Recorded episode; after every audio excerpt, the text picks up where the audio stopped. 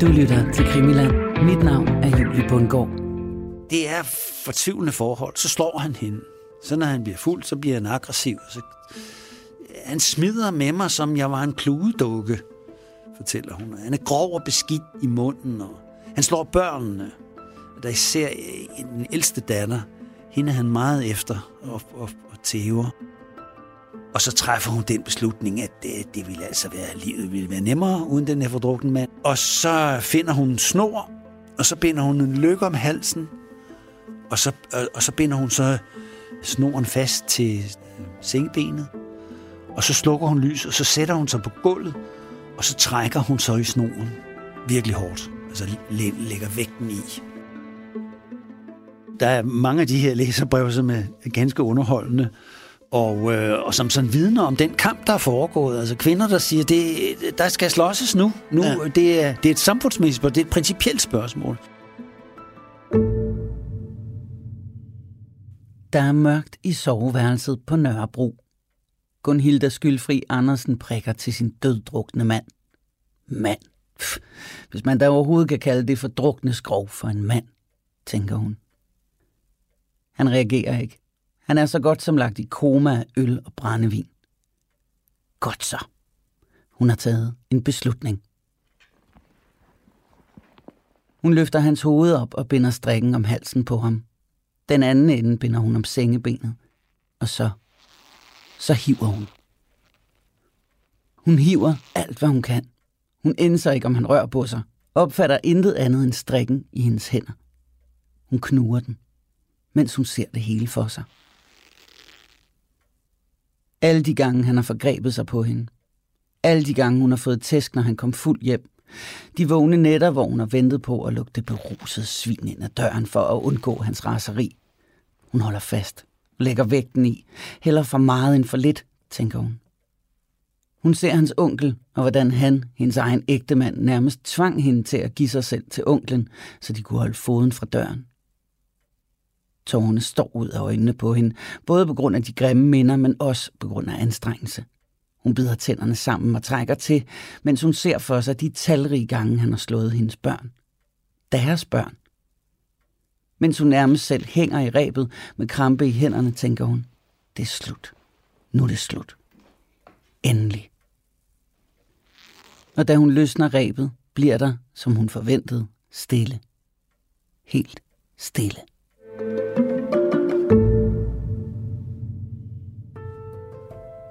Velkommen til denne uges udgave af Krimiarkiverne, en krimilandserie, hvor vi ser nærmere på nogle af datidens spektakulære kriminalsager. Mit navn er Julie Bundgaard, og jeg er din vært, og øh, hver uge der får jeg hjælp af forsker og forfatter Christian Holtet, når øh, vi sammen ser nærmere på tiden omkring 2. verdenskrig og de kriminalsager, der fyldte i avisspalterne. I denne her uge, der tager vi dog en tur lidt længere tilbage end normalt, faktisk næsten helt tilbage til Første Verdenskrig, til øh, hvad der nærmest er den første spæde tid af det, man kalder for mellemkrigsårene.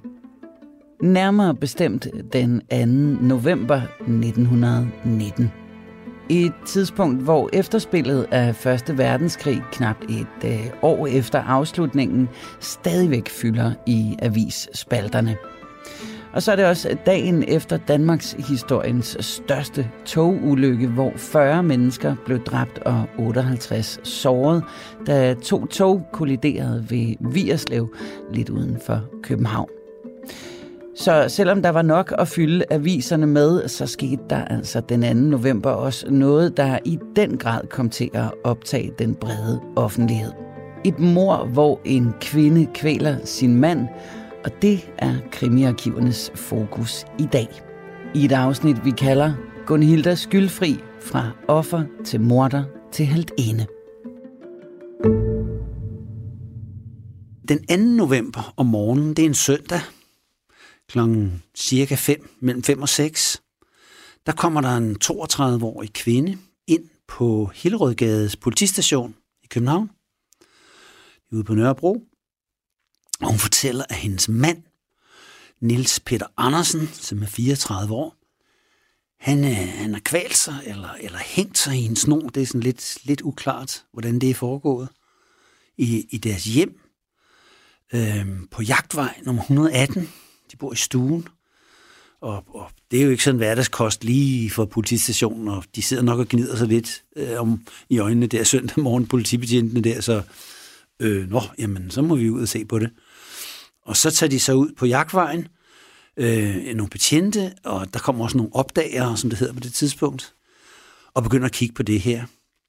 Og kvinden, hun hedder Gunhilda Skyldfri Andersen. Fantastisk navn. Ja, det er meget usædvanligt navn. Og især når vi så tager i betragtning den historie, vi skal høre om lidt, så bliver det endnu mere specielt. Hun er 32 år, og øh, hun bor altså sammen med sin mand her, og de har på det tidspunkt fem børn. Og øh, hun fortæller så, at, at manden ligger inde i soveværelset. Og øh, det er sådan en, jeg tror, det er en rimelig stor lejlighed efter datidens forhold. Det er nok lidt mere end en toværelseslejlighed, for de har også logerende boende, øh, sådan for hvad skal man sige, gøre det lidt nemmere at klare lejen. Øhm, og hun siger så, at, øh, at manden han er kommet hjem, altså klokken halv to om natten, og der var han altså døddrukken. Og hun har så klædt ham af, fordi det kunne han vist ikke rigtig selv finde ud af. Og så, så, hun, så, så er han faldet i søvn, og det er hun så også selv. Og så er hun så blevet klokken 5 om morgenen, eller lidt deromkring, så er hun så blevet vækket af børnene, og manden, han, øh, han er altså, han, så død, kan hun så se på det hele, ikke? Og så, han må jo så have stået op, forklarer hun de her opdager, og, og altså, så har han, så har han så taget sig selv af dage. Men han hængt sig, eller Ja, hvad? det kigger de jo så på, de her opdager. Og, og det, det, de kan se, det er, at han har en lykke om halsen, og så er snoren så relativt stramt gået ned til et sengeben. Og så, altså ifølge hende, må han jo så have på en eller anden måde selv trukket i lykken og kvalt sig. Altså hængt sig på den måde. Og de der op der, de kigger på det der, de har aldrig set noget lignende før. Og, øh, men, men hun er ganske rolig og fattig. Fattet uh, Gun, Gunhilda skyldfri der. Uh, og, og forklarer, at uh, jamen, altså, han, har, han har snakket om, at han ville hænge sig selv og sådan noget. Så Han det- har det- været ked af det gennem ja, længere periode. det, eller? det, det, det, der er sådan lidt, kommer lidt, lidt forklaringer der, ikke? Øhm, og så kommer der en politiinspektør, han hedder Håkon Jørgensen, og han kigger på det der. Han er sådan en erfaren mand, så han har sikkert været med i nogle morsager på det her tidspunkt. Mm. Og han kigger på det der, han har heller aldrig set noget lignende. Han tænker, kan det hele tiden lade sig gøre, hænge sig på den måde der? Altså, kan man kvæle sig selv? Men det kigger de altså på det der, og de, ja, altså, og teknisk set, kan sådan noget lade sig gøre? Det prøver de jo så at spørge nogen formentlig, ikke? Mm. Men det, jeg tror altså, de er mere end skeptiske efterhånden, som de sådan begynder at undersøge lidt omkring. Og jeg tror også, de bliver sådan lidt, øh, synes det er lidt øh, underligt, at hun er så rolig og fattet, øh, kvinden her. Altså, de beder hende så om at komme med hen på politistationen. Så begynder de sådan at udspørge hende lidt mere om, hvad, hvad er baggrunden, og altså, hvad, han, havde han været ulykkelig, eller hvad, hvad ligesom, og, og hun forklarer sådan, altså, hvad, hvordan familieforholdene er. Det er jo en, en relativ fattig familie, altså selvom det er et pænt hjem, og øh, så, er det, så, er de, så er der ikke mange penge at rute med. Det, det er der helt sikkert ikke. Og de er formentlig præget af, af den situation, der er på det her tidspunkt, hvor altså arbejderfamilier, det, det, det er hårdt. Men, men politiinspektøren øh, Jørgensen der, han, han bliver efterhånden mere og mere skeptisk, og, og så begynder han sådan at få den mistanke, kan det være hende, der har gjort det? Selvom den slags også er usædvanligt. Mm. Så siger han til Gunhilda skyldfri, siger mig, er det ikke dem selv, der har taget deres mand af dage? Nej, det, det er det ikke. Han lå bare der, da jeg vågnede. Ja. Så, ja. Og, og det, det, nej, der er ikke. Han, han prøver selvfølgelig at presse hende, det er klart. Og, og, øh, og det, de her, den her afhøring, den, den, den tager så lang tid. Altså, de, mm. de fortsætter hele dagen. Og ud på aftenen går de også, altså, går de til hende, ikke? Mm. Men altså, hun fastholder i en lang periode, at hun ikke har noget med det at gøre, og han må, have, han må simpelthen have strukket sig og kvalt sig på den måde der. Men altså, så på et tidspunkt, så, så kommer der så mange oplysninger, og de får måske også noget sagkyndig bistand, som, som siger, at det kan ikke lade sig gøre at kvæle sig på den måde. Det kan man simpelthen ikke. Altså. Mm. Øh, så, så der må altså være nogen, der har, har, har bistået, om man så må sige. Og, og så på et tidspunkt, så tilstår hun så kl. 10 om aftenen, så siger hun, jo, det, det er mig. Altså, det, det, jeg har gjort det. Den 32-årige Gunhilda Skyldfri Andersen kvæler natten til den 2. november 1919 sin ægtemand og øh, starter faktisk med at melde det som et selvmord til politiet. Men den forklaring fastholder hun altså kun i nogle timer, før hun øh, efter en relativt kort forhørsproces erkender, at hun altså i virkeligheden selv har kvalt sin mand. Og hvis vi skal se historien fra pressens vinkel, så kan sagen allerede nu fylde en øh, smule spalteplads, for det plejer jo at være den anden vej rundt, når der sker mor inden for ægteskabet, og det plejer faktisk at være sådan så tit, at øh, der er et ord for, når mænd myrder deres koner, nemlig ordet hustrudrab, men faktisk ikke noget ord den anden vej rundt, altså når en øh, kvinde myrder sin mand. Så det er klart, at det her det er godt spaltestof. Men der går ikke længe før Gunhilda med sin forklaring om livet med ægtemanden beviser, at historien faktisk nok nærmere er forsidestof. Og så beder de hende om at forklare, hvorfor og hvordan, hvad er omstændigheden omkring det. Og hun siger så, at, at manden er kommet hjem klokken halv to, og, og han har altså været øh, forfærdeligt beruset, og så øh, han beskidt. Øh, han er egentlig øh, uddannet skorstensfejer, og øh, men på det her tidspunkt, der, der, der, der, han, der har han så gået lang tid arbejdsløs, og så har han så lige her nogle måneder før, der har han fået et arbejde på havnen i København, sådan med at, at låse skibe. Øhm, og der har de så åbenbart fået tidlig fri, eller jeg ved ikke helt hvordan, men de har i hvert fald så drukket, altså siden middagstid, ikke? Mm. Vi har drukket siden kl. 12 på havnen, siger han så, ikke? Og øh, men han er jo forfærdelig, så kaster han op i sengen, og hun skal tage tøjet af ham, og det er forfærdeligt, og, og så falder han jo bevidstløs om, hun har lige lagt rene laner på, og sådan noget, så det er og så falder han jo bevidstløs i søvn nærmest, ikke? Og så øh, går hun så over sin egen seng, og så ligger hun så og tænker lidt på, på sit liv og sine omstændigheder. Hun er født øh, i 1887 øh, i Frederikssund. Hun er altså 32 år på det her tidspunkt. Og faren har været, øh, har været skorstensfejer og haft en sådan set en god forretning i Frederikssund. Og der er det så sket det, at, at den her mand her, Nils Peter Andersen, han er så blevet ansat som svend i den her skorstensfejerforretning. Og øhm, han, er, han en går for at være sådan lidt skidt type. Altså en skidt fyr, som de siger. En, en hissig type også.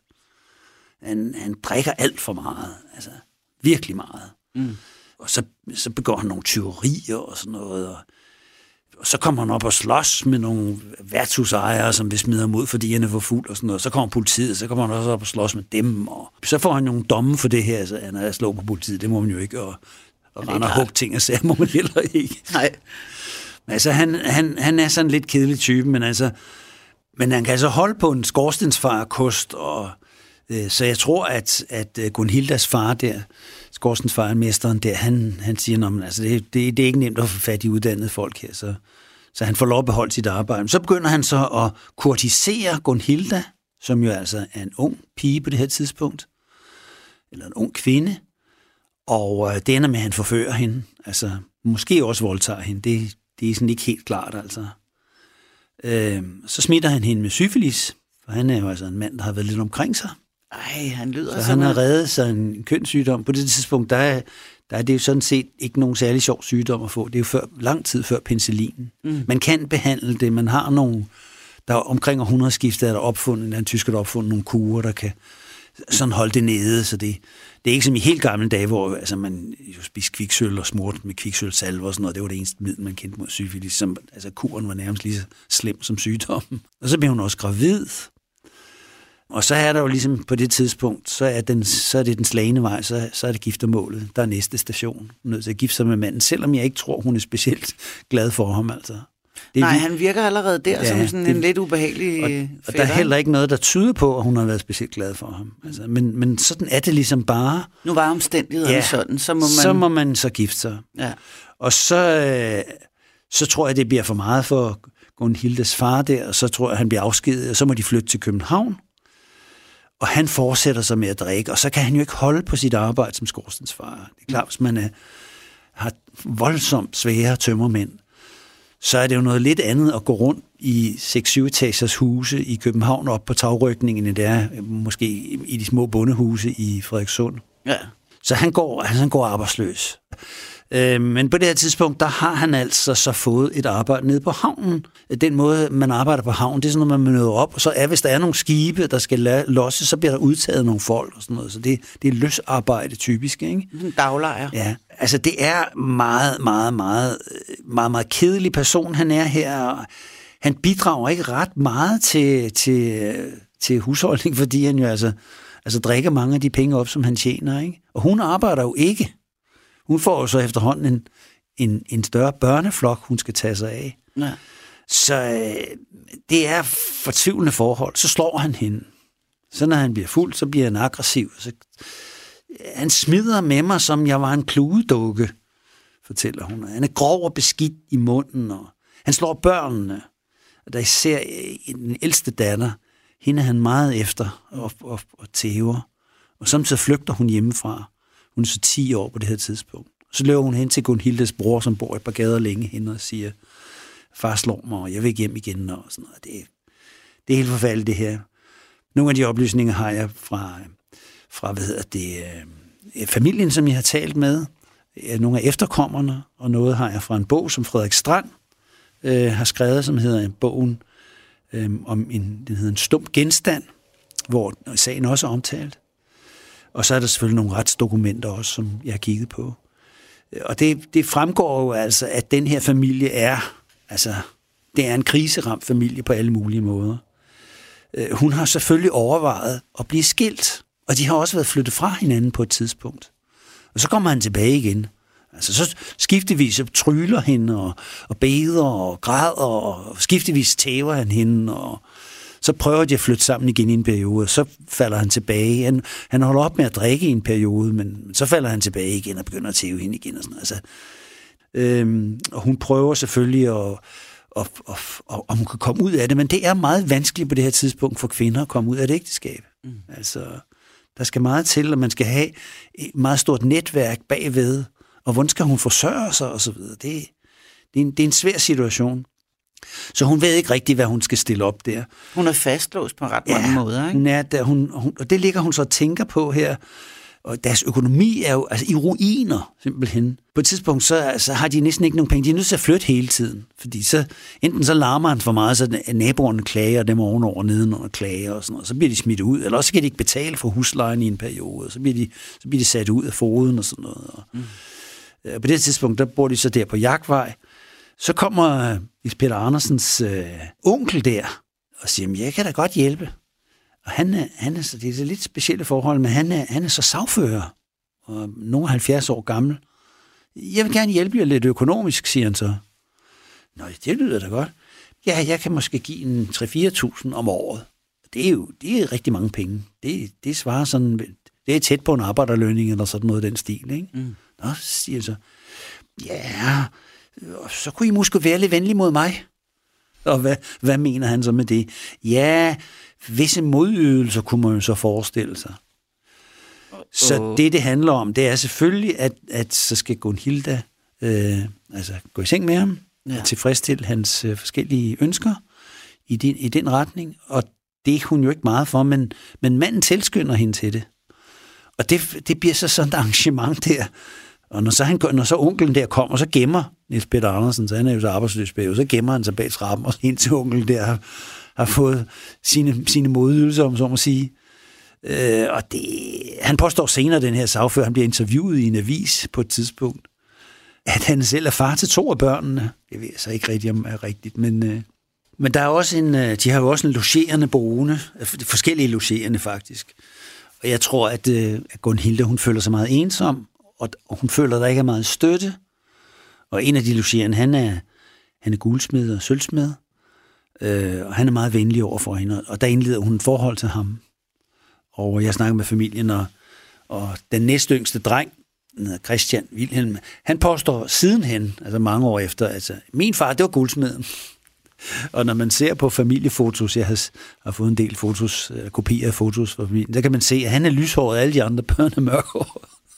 Så det kan jo godt være, at logerende, han, han, også har, han også har bidraget til børneflokken. Øh, så det er selvfølgelig et broet forhold der. Gunhilda skyldfri indrømmer mordet og forklarer, hvordan hun grundet en ufrivillig graviditet var nødt til at lade sig gifte med den mand, som var årsagen til hendes ulykke. Han drak og bankede hende og kunne ikke holde foden for døren, så de måtte flytte fra lejlighed til lejlighed. Og i sidste ende, så lavede han også en aftale med sin onkel om, at onklen måtte forgribe sig på Gunhilda mod at betale parret 3-4.000 kroner om året. Gunhilda havde da også overvejet at lade sig skille fra sin mand, men tiden dengang gjorde det svært og stort set umuligt for kvinder i hendes sociale lag at blive skilt. Hun havde endda også en veninde, som øh, stod i en lignende situation, og da hun søgte om skilsmisse fra sin voldelige og drikfældige mand, ja, så endte hun med at miste sine børn. Så skilsmissen var ikke rigtig en mulighed for Gunhilda. Fanget i sit liv ligger hun i sin seng med manden nærmest bevidstløs af druk, og det er der, hun får nok.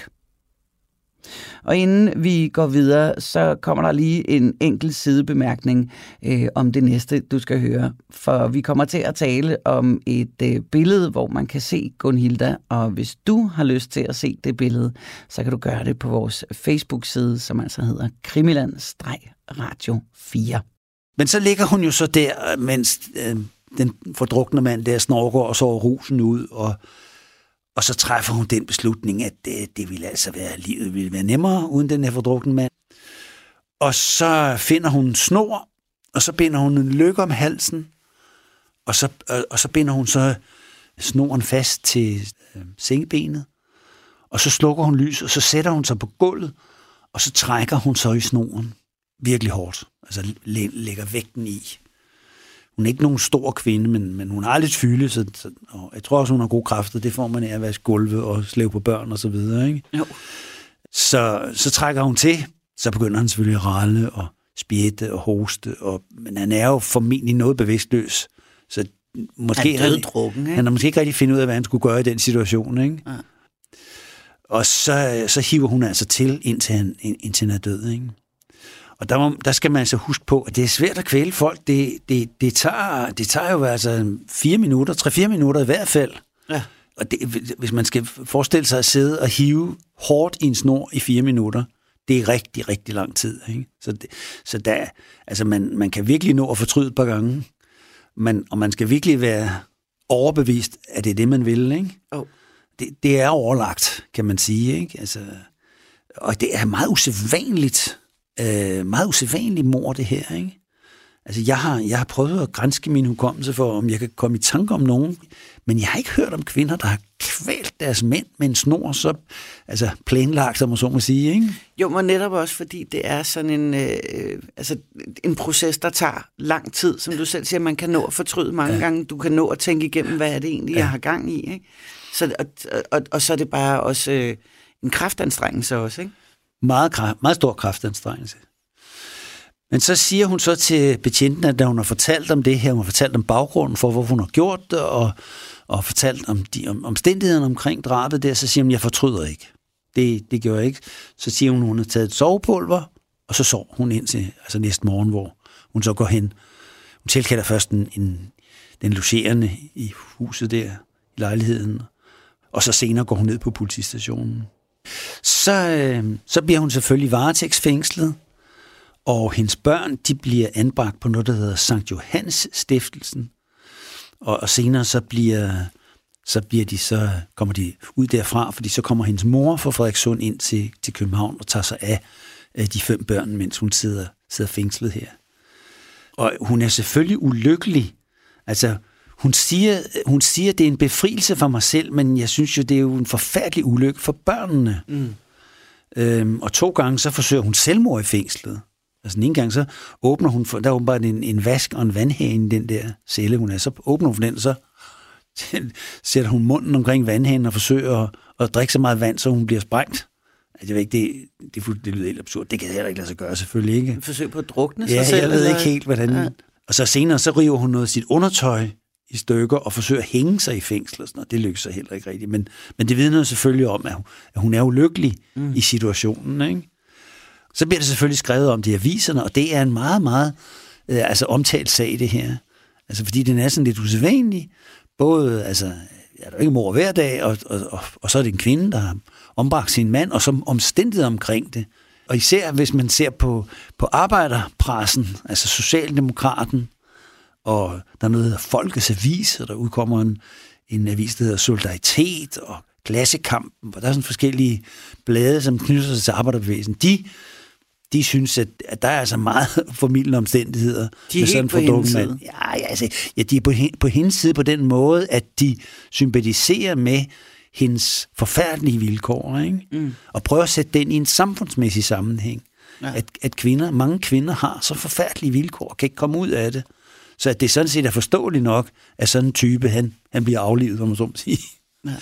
Men hvis man går til nogle af de borgerlige blade, så har man, udtrykker man selvfølgelig en vis forståelse for, for hendes situation, men, men skyldfri, sådan som hendes navn antyder, er hun jo ikke. Og hun kunne jo have søgt skilsmisse, sådan som normale mennesker gør, og sådan, altså sådan nogle ting, hvor man kan se, at mange af journalisterne ikke rigtig kan sætte sig ind i, hvordan er det at bo i en lejlighed med logerende, og en onkel, der kommer og altså ved i seng med en hver, anden dag, og en mand, der kommer fuld hjem, og så videre. Ikke? Hvordan er det at have... Og fem børn. Og, fa- og virkelig ko- komme i problemer, hvis man vil skilles. Ikke? Ja. Så øhm, øh, der kommer også billeder i aviserne af nogle af de her. Og øhm, så der er altså, må sige, der er offentligheden er, er på, også i den her sag her. Mm. Hun, får, hun har et fint skudsmål. Altså, der er journalister derude og interviewe øh, beboere i ejendommen, og øh, nogle veninder, hun har, og familie og sådan noget, ikke? Og, og alle siger, at hun er flittig, og hun holder hjemmet pænt og rent, og hun sørger for god mad til børnene, og jeg kan se på de øh, familiefotos, at, som, som jeg havde, de, at de er sådan set... Øh, de er sådan set pæne og ordentlige og renskuede, om så må sige, og vandkæmmede. Og, altså hun forsøger virkelig at opretholde et hjem under meget, meget vanskelige omstændigheder. Ikke? Det kan være, at vi kan lægge et billede op på Facebook, så man kan se det senere hen. Det er jo en fantastisk, det er et fantastisk billede, ikke? Ja. Altså, man, for man kan, altså, man tænker umiddelbart, det ser ikke ud som om, at det er fattige kår, men det ser ud som om, at det, det er nogen, der i hvert fald har anstrengt sig. Og Når man så ved, hvad det er for nogle vilkår, de har levet under, så har hun jo knoklet sig til døde for at opretholde det der øh, fine udadtil. Jeg skal lige, inden, inden vi går videre, Christian, jeg skal lige, fordi er det her et billede, vi kan lægge op på Ja. Facebook? Ja. Okay, jeg beskriver lige det billede, som du lige har rakt mig, som er øh, et, et billede af en øh, kvinde, som øh, sidder- sidder i mørkt tøj og med håret sat op, og hun ser meget anstændig og pæn ud, og ved siden af hende står der to piger, de er håret er ret, der er sløjfer i håret, øh, de har ens tøj på, som man kan se, som jeg tror, hun har syet til dem, og, øh, og så sidder der to drenge i matrostøj, og bagved står så manden øh, og ser sådan lidt han ser meget anstændig ud, men også sådan lidt brysk, ikke? kan man godt se. Meget, meget fint billede, som jeg får lagt op på Facebook. Hun forklarer, hvordan hun dræbte sin mand ved at kvæle ham i en snor, hvor hun måtte lægge alt sin vægt i snoren i fire minutter, hvilket vist kun understreger, hvor fast besluttet hun var i sin handling. Og i afhøringen, der forklarer hun da også, at hun ikke fortryder at have gjort det. Gunhilda bliver ovenpå sin forklaring varetægtsfængslet, hvor hun allerede inden retssagen forsøger at begå selvmord. Som hun selv bemærker, så er det en tragisk historie, og den når forståeligt nok også pressen, hvor en stor del af aviserne faktisk har sympati med Gunhilda. Endda i så høj grad, at der bliver skrevet mere end 1000 artikler om sagen, og dertil et hav af læserbreve. Men tilbage til Gunhilda, som altså sidder varetægtsfængslet i tre måneder, før hendes sag kommer for retten. Så kommer vi frem til den 1. marts 1920, og der kommer sagen for i Østre Landsret, og der er selvfølgelig fyldt. Altså, det er den store, den største af retssalene. Alle pladser, og der er almindelige mennesker og journalister og alt, hvad der kan gå af, af vigtige jurister og politifolk er også mødt op. Så bliver så nævningene trukket ud, og Øh, de bliver så vist på plads, og det er så efter datidens forhold, altså, hvad skal man sige, det bedre borgerskab, der skal så dømme over arbejderklassen. Det, anklageren, det er en, det er en statsadvokat Gammeltoft, og hendes forsvar, det er overretssagfører Gottlieb Jacobsen. Og de starter så med, at øh, Gunhilda bliver ført ind i retssagen af en kvindelig opdager, øh, og, og, og, og så går retssagen i gang, og det starter med, at hun skal forklare sig, hun bliver så spurgt, om hun, om hun, kan, om hun kan erkende det her, og det, og det kan hun så. Og, og hun begynder så at fortælle om, hvordan øh, dagen er gået, altså hvor drabet er sket. Og hun siger så, at han, han gik på arbejde klokken 7 om morgenen. Han sagde ikke farvel. Det gjorde han aldrig. Og så begynder hun så at græde og ryste og gråde og sådan noget. Og Øh, så i middagstiden, der, der, der kom han hjem. Så fik han sin mad og gik igen. Stadig uden farvel der var aldrig tale om venlighed fra hans side. Han var altid bøs og brutal, og om aftenen satte jeg mig til at vente på ham. Men jeg vidste, at han skulle have løn, og så var der ingen sandsynlighed for, at han snart kom hjem. Da han ikke var kommet hjem hen kl. 10 om aftenen, så gik jeg i seng. Det havde jeg været vant til i flere år, men, men jeg lå vågen og ventede. Jeg sov sjældent om natten. Jeg havde kolikanfald med voldsomme smerter og led af søvnløshed. På samme måde har jeg ventet mange nætter alle de senere år. Jeg, jeg var vant til at springe op, når jeg hørte ham på trappen, og skyndte mig at lukke døren op, så han ikke skulle blive vred over at vente og grise til at sparke døren ind. Og så endelig klokken halv to, så hørte jeg ham på trappen. Så lukkede jeg ham ind, og straks mærkede jeg, at han havde drukket. Han dinglede og søgte og støttede sig til mig, mens han fortalte, at vi har ikke arbejdet siden middag, og vi har drukket hele dagen. Og jeg har været op og slås, jeg har fået mange klø, men, men jeg har også givet igen. Og så begyndte han at klæde sig af, men det kunne han ikke. Jeg måtte trække støvlerne af ham. Han var forfærdeligt tilsølet over alt tøjet og snavset i ansigtet, som om han havde ligget i sølet. Øh, han gik så ind og smed sig, så snavset han var, på sengen i de rene laner, jeg havde lagt på. Og, og så fortæller hun så om, altså, hvordan han har altså hvordan han er til daglig, ikke? og hvordan han mishandler, det var det, vi var inde på før, han mishandler hende, og han håner hende, og sådan noget, de må flytte fra lejlighed til lejlighed, og han har også på et tidspunkt truet med at kaste en datter ud af vinduet. Ej, han er så usympatisk ja, en type, det er ham der. virkelig kedelig type. Og så, så siger hun så, han giver mig 10 kroner om ugen i husholdningspenge. Men så, mens han arbejder, så vil han også have fint pålæg med. Så, så slår de jo slet ikke til pengene altså, af, hendes, af, af hendes pointe. Og så fortæller hun så om selve gerningen. Altså, i mørket lå jeg og tænkte, det væltede nu alt sammen ind på mig. Min ægteskab var som en streng tjenesteplads, jeg aldrig kunne sige op. Lidt senere tændte jeg lys, og da jeg nu kom til at se på ham, som han lå der, så stormede det ind på mig. Dette hjem, denne far, det var meget bedre, om han var død. Han havde så tit sagt, at han ville hænge sig, og talt om en snor, der hang inde på WC. Den hang der endnu. Og pludselig faldt det mig ind, at jeg kunne gøre det ved hjælp af snoren. Og så siger dommeren, så fik de den tanke. Ja, så er der en lang pause. Og så siger dommeren, altså så tog de snoren ind.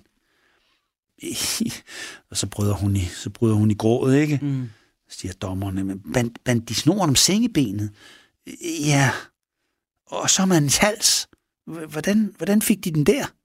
Jeg løftede hans hoved. Vågnede han ikke? Nej. Hvordan så? Jeg husker det ikke rigtig mere. Og så stiller retsformanden, dommeren der, nogle flere spørgsmål, og til sidst så, så, så græder hun, og så siger hun, så slukkede jeg lys og sad over ved min seng og trak i snoren. Hvor længe trak de i snoren? Jeg blev ved en tid. Jeg tænkte, hellere for meget end for kort. Og så gik de i seng igen, siger retsformanden. Ja, ja, så lagde jeg med min egen seng. Så kommer alle de her vidner. Der er over 30 vidner, de indhenter her. De fleste af dem, de fortæller om, hvor flink og dygtig hun er, og hvor pligtopfyldende og prober. Og der er altså, det hele sagen bliver rullet op i retssalen. Altså, der er der er ikke en begivenhed eller en omstændighed, som ikke bliver fuldstændig altså åbenbaret for fornævningen. Ikke? Det er vel også det eneste form for forsvar, hun har. Ikke? Ja. Det er ligesom at ja. fortælle, hvad det ja. er for et liv, hun ja. har levet. Og, og hun taler jo altså fuldstændig sandt. Hun erkender jo gerningen og så videre.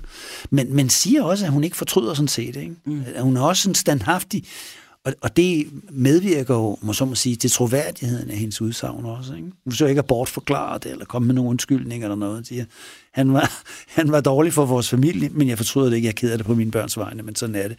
Ikke så nøgtern, som jeg siger det her. Ikke? Men, mm. Og så kører sagen altså. Retssagen starter, og Gunhilda fortæller så igen historien om, hvordan hun slog sin mand ihjel, denne gang til en jury bestående af blandt andet et par direktører, en professorinde og en kontorchef. Gennem retssagen bliver der ført en række vidner, blandt andet Gunhildas bror, som øh, ligesom de andre vidner bekræfter hendes udsagn om mandens overgreb på både børnene og Gunhilda selv. Efter Gunhilda og vidnernes forklaringer, så er sagen i gang, og forsvarer og anklager skal nu appellere til juryen i strafudmålingen. Øh, og anklageren, da de er færdige, så siger han, at jeg nedlægger påstand om strengeste straf for overlagt drab. Øh, og det, det, det må man sige, det er overlagt. Øh, og, og der skal man huske på, at vi altså indtil 1930, der har vi dødsstraf. Det er godt nok praksis på det her tidspunkt, at man så bliver benådet, ikke? Men, men der falder altså dødsstraffe øh, på, i, i den her periode her, som så, som så bliver benådet, ikke? og så får de så sted for livsvarigt fængsel. Så det er jo, man siger, det, det er ikke særlig øh, spændende omstændigheder, hun står overfor. Mm. Og forsvaren, han så i sin afsluttende øh, replik, så fortæller han så om, om, om den her drabsaften, og så siger han så til sidst, hun er skyldig i gerningen. Men hvem var den virkelige skyldige, skyldige af de to? Hun kunne ikke slippe ud af det. Hun var pligtro, venlig og dygtig, og hun udholdt alt for børnenes skyld. I arresten har hun skrevet et brev til familien. Det er som et testamente, hvor hun går op med sit hjem, tager afsked med alle og beder først og sidst om, at man vil hjælpe hendes børn. Derefter forsøger hun to gange alvorligt at begå selvmord i cellen, ved strangulering med strømpebånd og andet. Det tager nok siges, at hun har handlet under ophidselse med mishandling og grov fornærmelse, som i straffeloven betinger den mildere straf. Kan der forlanges grovere fortræd end den, man har, han har budt hende? Så er der altså flere tilhører, tilhører i retssagen, der begynder at græde, og nævningen, der får tårer i øjnene. Ærede nævninger. Han er død. Ingen begræder ham. Her sidder hun, der endnu kunne skabe sine børn et hjem, og børnene er udenfor og venter. Jeg lægger hendes skæbne i deres hånd. Så slutter han sin, sit følelsesladede forsvar, og så går nævningene ud. De har fået tre spørgsmål, de skal tage stilling til af anklagemyndigheden. Det første spørgsmål, der skal de tage stilling til, er tiltalte skyld i overlap drab? Eller øh, det andet punkt, er tiltalte blot skyld i forsætlig drab? Og så det sidste, så skal de så tage stilling til, at drabet begået under ophidselse ved mishandling eller grov fornedrelse. Og det sidste, det er sådan et citat fra straffeloven, som kan være en formidlende omstændighed. Ja. Og så går juryerne ud, og de kommer relativt hurtigt tilbage igen, og de siger så nej til det første spørgsmål, altså om det er overlagt. Og så siger de ja til forsætligt drab, og så siger de ja til, at det er begået under ophidselse og mishandling og grov fornedrelse osv. Og så er man i den, i den mildere ende af strafskalaen. Så det vil sige, at hun kan undgå dødsstraf? Hun undgår dødsstraf, og hun undgår også øh, livstidsfængsel, hun undgår også 16 års fængsel og 12 års fængsel. Hun får 6 års forbedringshusarbejde, som det hedder. Altså det er en dom, hvor man skal i forbedringshus. Det foregår ude på Christianshavn, i noget, der hedder Kvindefængsel, som ligger på Christianshavns Torv. Øh, og forbedringshus, det er sådan noget, hvor man altså arbejder og altså skal forbedre sig under indtryk af, af bønden og, og, og belærte foredrag, så skal man så arbejde. Hun bliver sat til at arbejde i et køkken, hvor hun så skal altså, lave mad til de andre fanger der. Øhm, så sidder hun så i fængslet efterfølgende, og så skriver hun et brev øh, til sin familie, hvor hun siger, mit lommesaklæde og stolebenene var mit faste holdepunkt for at være rolig den dag. Det er altså retssagen, hun taler om. Dog bristede jeg imod min vilje, men jeg følte mig ikke generet af alle dem, der var til stede. Det var og er for mig endnu en drøm. Alt, hvad der er sket siden den 2. november, er for mig mellem drøm og virkelighed. Jeg kan ikke forstå mig selv. Det eneste, der er så usigeligt svært, det er denne længsel, der ikke vil stanse. Så snart jeg vågner, længselen efter mit et og alt. Gud give, jeg snart havde nået den stund, at vi er der var samlet, og sangene kom frem igen til fælles fred og hyggelige stunder. Gennem en del aviseklip i en lukket kuvert, hvis det kan være til gavn den stund, hvor jeg må bekende for mine børn. Jeg vil altid med længsel vente brev for eder alle, og et barnebrev. Jeg er så underligt træt af at tænke mig at stå ude i verden en gang igen. Det vil blive svært. Ikke kan jeg gå frem med fri og frejdig sind og tanke. Intet kan helt ud zone dette. Nej, aldrig vil jeg føle mig som i 1906, det var der, hvor hun blev gift. Og dog længes jeg så meget hver stund. Men jeg må blive rolig i mit indre og tænke på alt det gode, I gør for mig. I skal ikke blive skuffet af mig mere. Og, og tak, mor, for den godhed, du viser mig. I alle har min inderligste og bedste tak for alt. Husk, mor, du må ikke græde, mor. I alle min eneste interesse, i, i alle min eneste interesse, børnene, jeg sender jer de kærligste hilser og tanker, eders sorgfyldte, skyldfri. Nyt liv, nyt håb. Skriver hun. Brev her, det er jo flot brev, kan man sige. Ikke? Altså velformuleret. Ikke? Øhm, og også noget, som altså virkelig øh, fortæller noget om, hvordan hun tænker. Ikke? Gunhilda Skyldfri bliver dømt skyldig og skal afzone seks år i forbedringshus, og under sin fængsling skriver hun et brev, hvor hun igen bekræfter, at hun ikke fortryder sin handling, selvom det er tragisk. Men sagen får som øh, tidligere nævnt også et stort liv i pressen, og den øh, afføder også en øh, stor mængde læserbreve. Og som nogle af læserbrevene indikerer, så er der flere, der tænker hele sagen her ind i kvindekampen, hvilket måske heller ikke er så underligt, da kvindekampen i årene før sådan for alvor er begyndt at tage fart. For bare fire år før mordet i 1915, der får de danske kvinder stemmeret ved folketingsvalg. Og en anden sjov detalje er, at kvindernes internationale kampdag faktisk blev vedtaget eller stiftet ved den øh, internationale socialistiske kvindekonference i 1910, som fandt sted i Folkets Hus på Jagtvej 69, altså bare få hundrede meter fra hvor mordet blev begået i ejendommen Jagtvej 118. Og læserbrevene, de kan vel sagtens også siges at komme fra alle ender af samfundet. Så sker der jo en hel masse jo i den, i de her, den her periode her. Der, jeg, jeg synes også, det kunne være interessant at, at, at referere nogle af de læserbreve, som bliver skrevet ind. Mm. Altså både sådan for og imod. Ikke? Der er en grevinde Holk, som bor på Blejdomsvej i en fin ejendom. Øhm, i, til et læserbrev til BT, så skriver hun, at vi har læst deres udmærkede artikel i BT om den ulykkelige unge kone Gunhild Skyldfri Andersen. Også vi må beundre hende for hendes mod til at frigøre sig for den frygtelige mand, der fuldstændig ødelagde hende, børnene og hjemmet. Mange mødre har fristet samme skæbne og er gået til grunde, uden at nogen har kunnet frelse dem.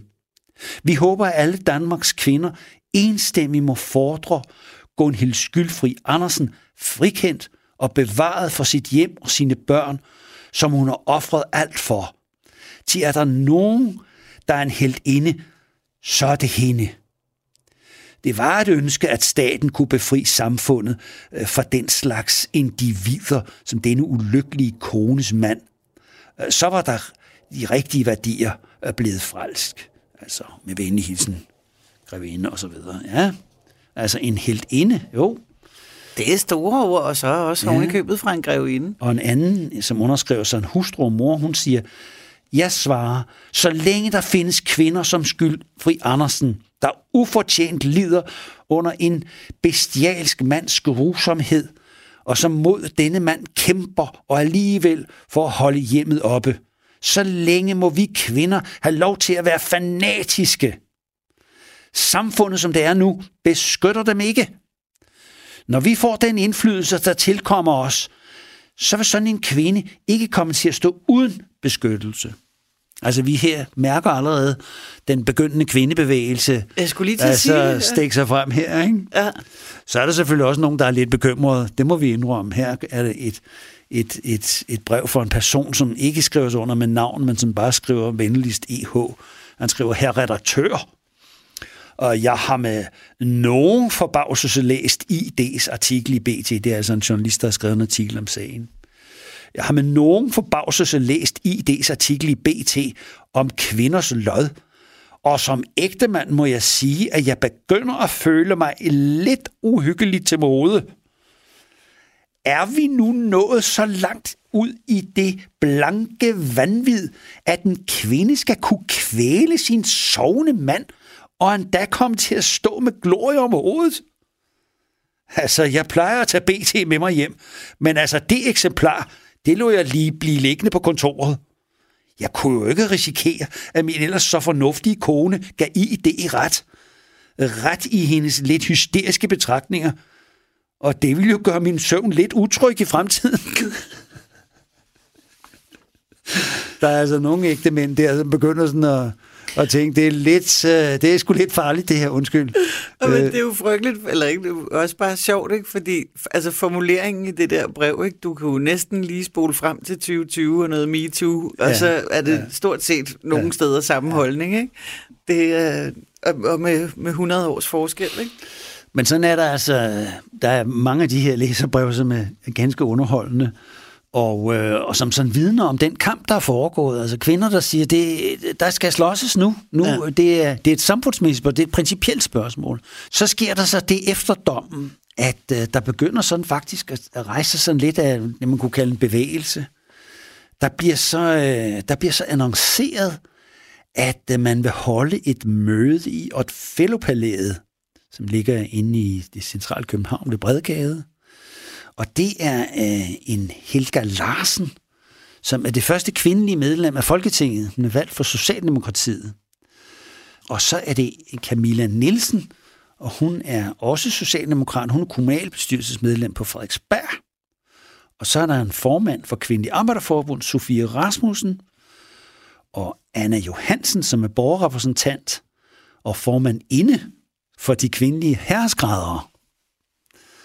De fire, de indkalder til et stormøde tirsdag den 16. marts kl. 8 om aftenen i Otfellopalæets store sal. Der vil der blive afholdt et møde i anledningen af dommen over fru Skyldfri Andersen. Og de skriver så, at det er ikke for at protestere mod denne dom, og det er ikke for at give udtryk for harmen over straffens størrelse, men det er kun for at bede om noget. Og så fortsætter de med at skrive i indkaldelsen til det her møde. På genforeningsdagen, så vil jo sikkert umådelig mange forbrydere af forskellige art blive sat på fri fod. Og vi finder derfor, at man også på denne historiske dag bør lade forbrydersken skyldfri Andersen, hvis fortvivlede gerning dog vist i alt fald en hver moder øh, kunne forstå, øh, komme ud til sine fem småbørn, der kun så dårligt kan undvære hende. Vel siges det, at øh, dommen over hende er mild, men har denne mildhed må, måske ikke netop sin råd deri, at både dommer og nævninge inderst inde ønsker at frikende mordersken, men så sig nødsaget til at følge lovens tørre bogstav. Vi tror det, og det er vores overbevisning af en benådningsansøgning, der kommer udefra borget frem, at tusinder vil være i stand til at åbne fængslets port for denne stakkels mor. Mød derfor op, kvinder og mænd. Læg deres lod i vægtskålen til fordel for det bekvælelsesværdige menneske, der ikke bør lades i stikken i denne for hende så frygtelige tid. Så er der lagt op til et spændende møde. Der er tusinder, der står i Bredegade. Der kan være 4.000, der presser sig ind i salen. Og altså alt ståplads og sædeplads, alt er optaget, og der er også en balkon og sådan noget, altså den tror med at falde ned nærmest, ikke? Øhm, og der står altså flere tusind mennesker udenfor og presser på, at de er nødt til at tilkalde politiet. for at altså, holde orden, fordi man frygter, at der er nogen, der bliver mast og sådan noget. Så kommer en ordentlig politistyrke og holder altså, dem ude, der ikke kan være derinde og så videre. Ikke? Øh, der er lige så mange udenfor, som der er indenfor. Så vedtager de en, en udtalelse til justitsministeren, og det lyder sådan her. En forsamling på 4.000 kvinder og mænd samledes til møde i Koncertpalæet tirsdag aften den 16. marts 1920. Vi anråber den højt ærede justitsminister om benådning på genforeningsdagen af Skyldfri Andersen. Den tunge skæbner, der har ramt den dømte, og hendes småbørn skyldes jo efter alt foreliggende de ulykkelige forhold hendes ægtefælles forkastelige livsførelse og dadelværdige adfærd. Over for hende førte hende ind i. Dette er til fulde oplyst ved samstemmende forklaringer under vidneførelsen i nævningeretten, og lige så enstemmigt samler vidneudtalelserne om at fremhæve den dømte som en god og kærlig mor over for sine børn. En stakkels kvinde, hvis fortvivlede handling efter alt det oplyste må være udsprunget af kærlighed til disse små. Giv derfor disse små, fem små småbørn deres mor tilbage. Og så klapper forsamlingen jo, og så bliver der sendt en, en, en deputation afsted nogle dage senere til justitsministeren han Sale på det her tidspunkt, og han kigger så på det der og siger, der må man overveje og så videre, ikke? Men, men han afslår øh, benådningsansøgningen. Sagen får som sagt stor bevågenhed fra offentligheden, og nogle af de første kvindelige politiske skikkelser, de arrangerer et møde for at arbejde for at få Gunhilda løsladt. En af talerne ved mødet, Camilla Nielsen, fremfører en følelsesladet beretning om, hvordan hun har besøgt familien og hvordan hun har set, hvordan børnene savnede deres mor. Og derpå så opfordrer hun til løsladelse af Gunhilda. En opfordring, der ifølge de fremmødte journalister afføder et jubelbrøl blandt de mange tilhører. Ved mødet blev der også udarbejdet et brev til justitsministeren med budskabet om at løslade Gunhilda i forbindelse med genforeningen med Nordslesvig. Et forslag, som dog bliver afvist.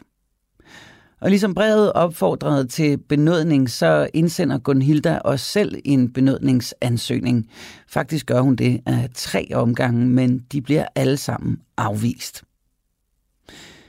Men livet med den voldelige ægtemand med alt, hvad det medførte, var desværre ikke den sidste tragedie, der ramte Gunhilda Skyldfri Andersen. Så sidder hun så i fængsel der, og øh, Gunhildas mor passer børnene. De bliver desværre nødt til at flytte fra lejligheden på jagtvej. Jeg ved ikke, om de kan betale lejen eller så videre. Til en lidt mindre, flytter til en lidt, lidt mindre lejlighed på Vesterbro. Noget, der hedder Hejlsgade. Og så et år senere, i 1921, så rammer tragedien igen den hårdt prøvede familie. Øh, bedstemoren skal et ærne ud og købe noget mad, tror jeg, til børnene. Og hun beder så nogle af de ældste om at passe på den lille Leif. Han er, han er så blevet to år gammel på det her tidspunkt. Øh, de bor på fjerde sal i Hejlsgade. Men altså, hvad der er sket præcist, ved vi ikke. I, Måske kigger de ikke lige efter, men der bliver optaget leg og så videre. Det ved, det ved vi ikke. Den lille leg får fat i en eller anden stol, eller får skubbet noget hen, så han kan kravle op i vindueskarmen. Og måske vinduet står åbent, eller han får listet hast med af, vi ved det ikke. Men han får lænet sig for langt ud og falder fra fjerde sal ned på Vesterbros fortorv og bliver dræbt. Skrækkelig historie. Han bliver begravet på sin fødselsdag to dage senere, 1921, 20. 8. Og det får hun jo besked om i fængsel, og sidder derude. kun, kun Hilda skyldfri, og kan ikke gøre noget. Og hun bliver så øh, løsladt, altså, altså som under normale omstændigheder. Det vil sige, hun afsoner to tredjedel af straffen og sidder altså fire år. Og så bliver hun løsladt i 1923. Øhm, og kommer så ud. Hun har så siddet lige under fire år og kommer tilbage og, og altså, tager sig altså, af sine fire tilbagevendende børn. Øhm, og øh, så bliver hun så gift med en, øh, et år senere, bliver hun gift med en, øh, en, en tidligere lo- logerende, de har haft, en Tømmer Jensen, øh, og de bliver så gift altså resten af deres tid. Øh, gift resten af deres tid. De får et barn til, når 26. Og øh, Gunhilda, hun øh, dør i 1960, øh, 73 år gammel, og så slutter så historien om den her meget mærkelige sag. Gunhilda når at sidde fængslet i fire år og får efter sin løsladelse, hvad man må betegne som et mere almindeligt liv og ægteskab. Det var, hvad vi havde plads til i denne uges udgave af Krimi-arkiverne. Mit navn er Julie Bundgaard, og jeg har som altid fået rigtig god hjælp af vores øh, faste husekspert, forsker og forfatter Christian Holtet, mens Frederik Holst stod for klip og tilrettelægning. Hvis du har informationer eller historier om sagerne, som øh, vi snakker om her i krimiarkiverne, eller bare perioden generelt, så øh, kan du dele det på vores Facebook-side, som hedder Krimiland-Radio 4. Krimiland er produceret af Wingman Media for Radio 4. Tak for i dag, og tak fordi du lyttede med.